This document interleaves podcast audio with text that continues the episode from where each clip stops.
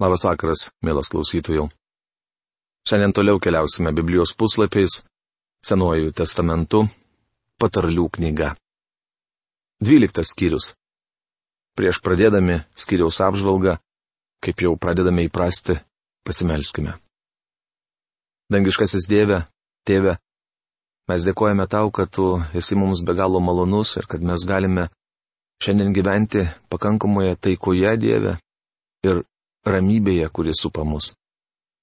Ačiū tau, dangiškasis Dieve, kad šiandien tavo žodis gali sklisti radio eteriu ir jisai gali pasiekti kiekvienus namus. Ne kiekvienas žmogus gali būti tenais, kuris yra skelbiamas dėl įvairiausių sunkumų. Bet dėkojam tau už tą galimybę skelbti žmonėms. Ir prašome tavęs, kad tu atvertum žmonių širdis kad žmonių protai pradėtų mąstyti ir svarstyti tos svarbius dalykus, kurgi jie praleis amžinybę. Kad šitas trumpas akimirksnis šitoje žemėje būtų pasirinkimo laikas. Ir dėkojame tau šią mūsų šiandien studijuojamą išminties knygą. Ir meldžiu, kad šis laikas būtų naudingas mums visiems. Patepk mano lūpas Dieve ir palaimink mus savo palaiminimu. Jėzaus vardu. Amen. Dvyliktas skyrius. Jaunuolis vis dar mokosi pirmame išminties mokyklos kurse, tačiau visi šie pamokymai labai svarbus. Kas mielai priima pamokymą, tas mėgsta pažinimą, bet kas niekina pamokymą, tas tamsuolis. Patarlių 12 skyriaus pirmą eilutę. Profesoriaus Algirdo Jurieno Biblijos vertime šie eilutė skamba taip. Kas myli drausmę, myli žinojimą, o kas nekenčia pabarimo, tas galvijas. Žmogus mylintis drausmę žino, kas visų svarbiausia ir vertingiausia, nes jis klauso pamokymų. Tačiau turiu pasakyti, jog tuos, kurie sutinka klausytis Dievo žodžio, sunkiausia įtikinti jam paklusti. Paklusnumas būtinas. Geras žmogus užsitarnauja viešpaties malonę, o pinklių spendėjas - pasmerkimą. Patarlių knygos 12 skyriaus antra eilutė. Pirmos psalmės penktoje eilutėje mums sakoma, kad nedoriliai teisme neatsilaikys, nei nusidėjėliai teisiųjų sueigoje. Kad ir koks turtingas, gerbiamas ar populiarus būtų bedievis, jo galas bus liūdnas ir apgailėtinas. Dievas teis tokius žmonės. O pinklių spendėjas užsitarnauja pasmerkimą. Nedarumas nesaugo žmogaus, o teisiųjų šaknys nebus išrautos. Patarlių knygos 12 skyriaus 3 eilutė. Mūsų viešpats kalno pamokslė kalbėjo apie du žmonės. Vienas iš jų pasistatė namą ant uolos, kitas ant smėlio. Rašoma Mato Evangelijos 7 skyrius 24-27 eilutėse. Uola, žinoma, simbolizuoja Kristų, tvirtą Dievo žodžio pamatą. Dar pirmame kurse jaunuoliui duodamas patarimas, kaip išsirinkti žmoną. Sumani žmona savo vyro vainikas, o apsileidusi žmona kaip kaulų puvimas. Patarlių knygos 12 skyriaus 4 eilutė. Prisiminkite puikias žmonas, kurios paminėtos Senajame testamente. Jėva paklausė žalčio, tačiau tikriausiai buvo nuostabi asmenybė. Pirmo Petro laiško trečios skyriaus šeštoje eilutėje sakoma, kad Sara buvo pavyzdinga žmona. Be bejonės, nepaprasta moteris buvo ir Mozės motina Johebeda. Buvo ir netokių gerų žmonų, kurias galėtume apibūdinti kaip kaulų puvimą. Jobui žmona nebuvo didelė pagalbininkė. Įdomu, kad šitonas atėmė iš Jobo viską, kuo tik jis galėjo pasikliauti, išskyrus žmoną. Atrodo, piktasis žinojo, jog ji menka pagalbininkė savo vyrui. Prisiminkite ir kraugerę Ataliją, niekšingosios Jezabelės dukterį. Taigi šventajame rašte yra daug šios patarlės iliustracijų. Ogdenas Nešas trumpame savo eilėraštyje patarė, ką daryti, kad santuoka būtų sėkminga. Jis rašo. Kad santuokoj meilė žiūrėtų ir lietus per taurės kraštus. Jei buvai neteisus, pripažink tai. Jei jautiesi teisus, patilėk. Beje, tai iš tiesų naudingas patarimas. Teisiųjų užmojai teisingi, nedorelių užmačios klastingos, nedorelių žodžiai krūvinos pasalos, o doruosius išgelbsti jų kalba. Parblokšk nedorelius ir nieko iš jų nelieka, o teisių žmonių namai stovi tvirtai. Patarlių knygos 12 skyriaus 5-7 eilutės. Galbūt žodį nedoreliai būtų tikslingiau versti neteisėjai arba įstatymų laužytojai, savivaliautojai. Kaip matote, Dievas rūpinasi įstatymu ir tvarka. Jis daug kalba apie savivalę. Už protingumą žmogus laimi pagirimą, o sukto proto žmogus susilaukia paniekos. Patarlių knygos 12 skyriaus 8 eilutė. Šios eilutės man primena Gideoną ir jo sūnų. Gideoną dėrėtų pagirti už jo išmintį, tuo tarpu jo sūnus Abimelechas susilaukė paniekos. Geriau būti paprastu žmogumi turinčių darbą, negu išdidžiai laikytis ir neturėti maisto. Patarlių knygos 12 skyriaus 9 eilutė. Kitaip tariant, geriau būti niekinamu, bet sočiu, negu išdidžiai laikytis, dėtis turtingu, bet skursti. Teisų žmogus rūpinasi savo gyvuliais, o nedorų žmonių širdis žiauri. Patarlių knygos 12 skyriaus 10 eilutė. Kaip jau minėjau, mano tėvas žuvo per medvilnės valymo mašinos avariją. Tuomet man buvo 14 metų, o tokio amžiaus berniukui atrodo, jog jo tėtis didvyris. Atvirai kalbant, aš taip ir neišaugau iš to amžiaus. Pamenus iki važiavome vežimu dulkėtų Oklahomos valstijos keliu iš Armoro į Springerį priešais pamatėme kitą vežimą. Girtas vyras, išlipęs iš jo, talžė botagu savo arklį. Mes niekaip negalėjome jo apvažiuoti. Tuomet mano tėvas išlipo iš vežimo pasikalbėti su anuo vyru apie tai, kad nedėra taip mušti gyvulio. Žinoma, girtas žmogus įsižeidė, kad tėvas jį moko ir užsimojęs norėjo jam užvošti. Bet nepataikė. Tuomet mano tėvas trenkė jam atsakomųjį smūgį ir šis sukniubo ant žemės. Jis atėmė iš jo botagą, liepė sėstis į vežimą ir palikti arklį ramybėje. Po to kurį laiką mes dar važiavome tam vyrui iš paskos. Šis įvykis paliko man gilų įspūdį. Matome, jog ir patarlėse rašoma. Teisus žmogus rūpinasi savo gyvuliais. Vienas vyras auginantis keletą šunų man sakė, jog visuomet sprendžia apie žmogų pagal tai, kaip jį pasitinka jo šunys. Regis jie jaučia žmogaus charakterį, žino, ar jis elgsis su jais gerai. Įdomu, kad gyvūnai moka įvertinti žmogaus charakterį geriau negu mes. Kas dirba savo žemę, tas turės duonos iki soties, o kas vaikosi vėjų, tas yra neprotingas. Patarlių knygos 12 skyriaus 11 eilutė. Šioje patarlėje sakoma daugiau darbuotis ir mažiau dikinėti. Visame dvyliktame skyriuje gausu supriešinimų panašių į šį. Nedorų žmonių tvirtovė bus nugriauta, o teisiųjų šaknis išlieka. Patarlių knygos 12 skyriaus 12 eilutė. Pakartojimu pabrėžiama jau seniau pasakyta mintis. Pagaliau juk kartojimas mokslų motina. Jūsų mokiniai nepamiršto, ką jiems nuolat kartosite.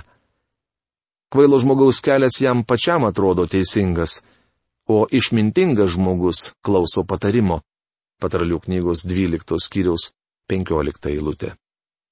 Esu tikras, kad nujaučiate, kam tinka šie žodžiai.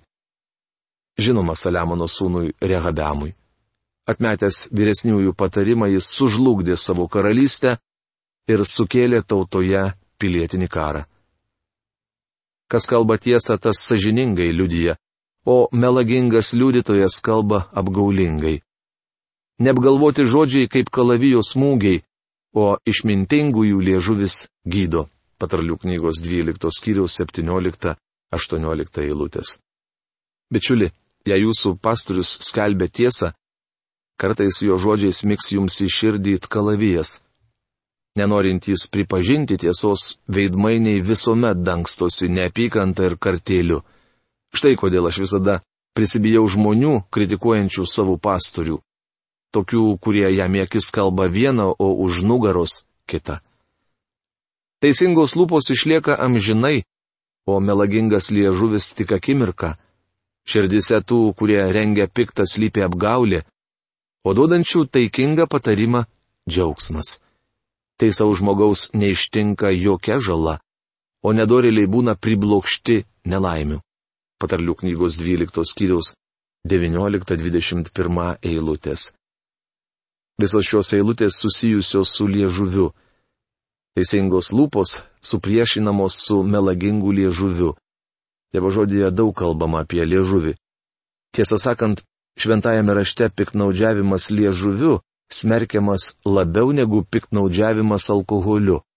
Tačiau įdomu, kad šiandien krikščionys pakenčia melagingą liežuvį bei liežuvautojus, nors girtuoklius atstumia. Melagingos lūpos pasibjaurėtinos viešpačiui, O kas ištikimai elgesi, tas jam patinka patarlių knygos 12 skyriaus 22 eilutė.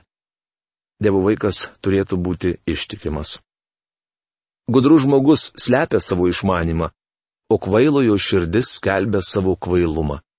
Patarlių knygos 12 skyriaus 23 eilutė. Nuvokų žmogus neižeis kito. Tačiau jums tikriausiai yra tekę būti draugijoje, kur koks nors kvailys liežuvautojas ima juodinti kito žmogaus reputaciją. Žinoma to, kurio tarp jų nėra. Gudrų žmogus to nesakytų, bet kvailojo širdis skelbia savo kvailumą. Darbščiojo ranka valdo, o tingėje reikia versti dirbti.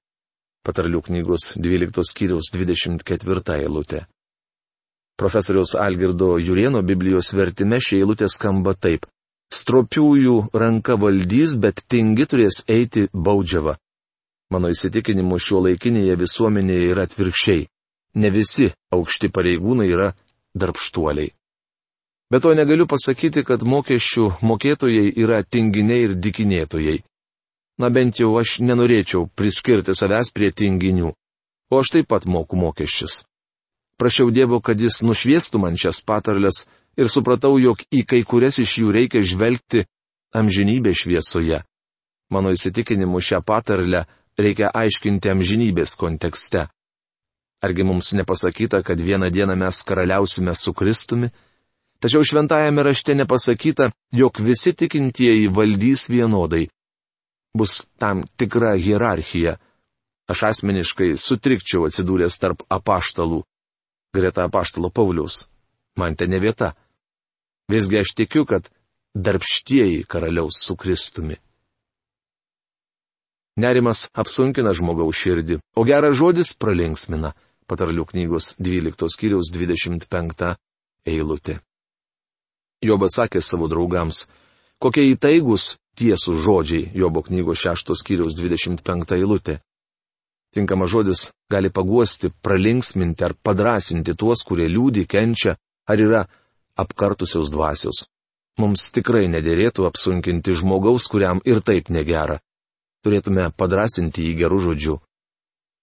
Teisusis duoda gerą patarimą savo artimui, o nedorėlių kelias klaidina, patarlių knygos 12 skyriaus 26 eilutė. Tiksliau galima būtų versti taip. Teisusis ištiria savo artimą.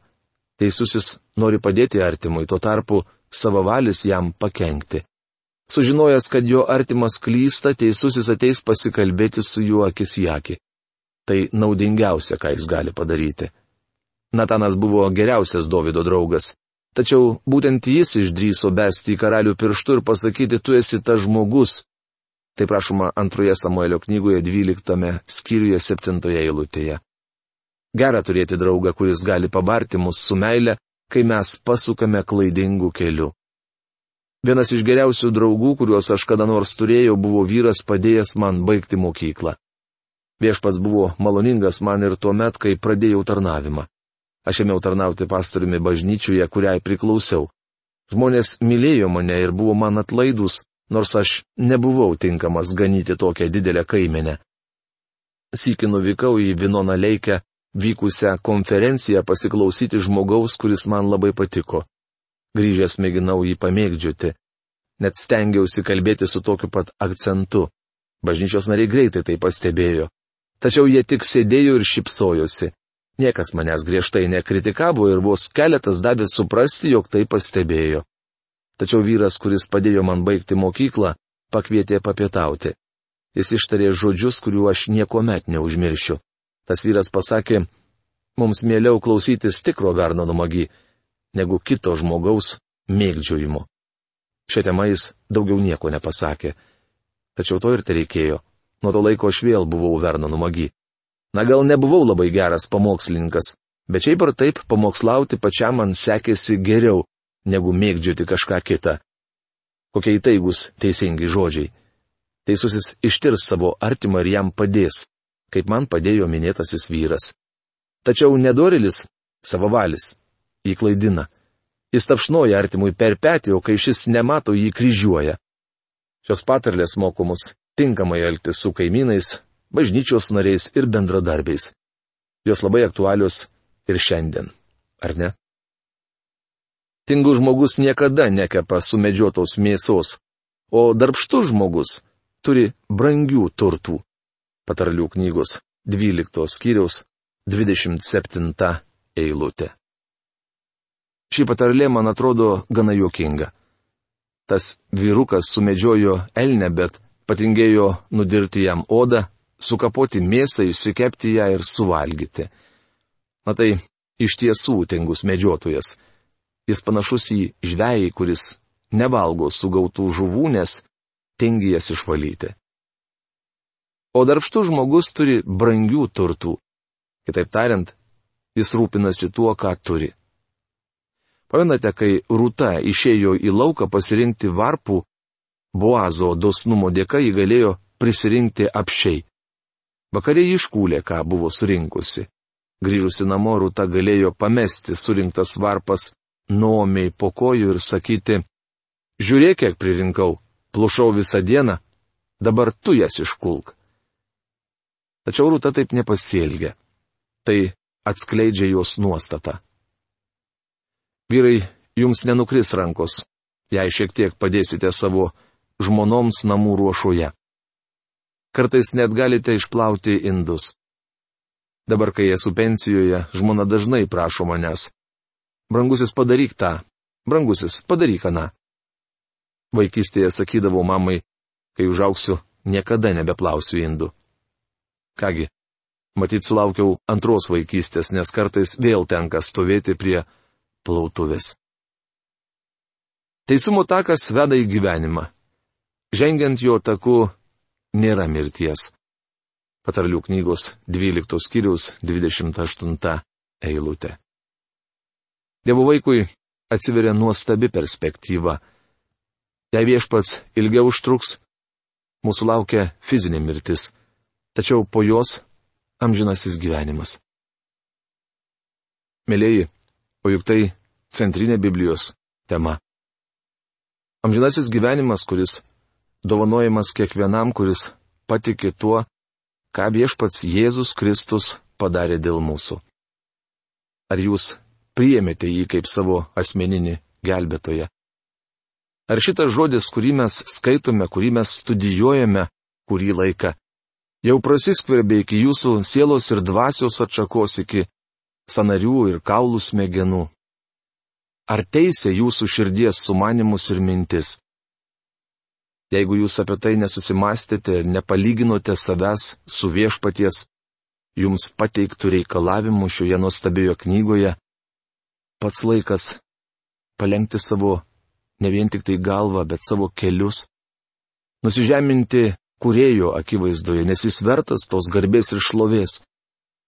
ir suvokti savo širdyje, kad esate atskirtas nuo Dievo, jeigu taip yra, jog esate netyras ir negalite išstovėti šventojo Dievo akivaizdoje. Jūs turite nuostabią galimybę šauktis viešpaties Dievo ir jo sunus ateis į jūsų gyvenimą, jūsų širdį. Per žodį, kurį mes su jumis studijuojame, kurį pats galite skaityti. Viešpatės Jėzaus ir Dievo tėvo dvasia apsigyvens jumise, jeigu jūs pripažinsite jo didybę, išpažinę savo neįgalumą išsigelbėti. Jeigu jūs pasikviesite jį į savo širdį kaip karalių, kuris ne tik nori, bet ir turi viešpatauti jūsų širdise. Klausimas, ar jūs tai padarysite? Mūsų darbo tikslas - skelbiant Evangelijos žinę kad ne mes ir ne mūsų ištarti žodžiai, bet viešpatės Jėzaus žodžiai įsmigtų į kiekvieno žmogaus širdį ir atliktų darbą, kurio negali padaryti joks žmogus ir jokia žmogiška išmintis, ir kurio negalima nupirkti už jokius turtus. Žinoma, palieku jūs su šiomis mintimis ir lauksime jūsų laiškų. Dėkojame, kad rašote. Iki greito sustikimo. Sudė.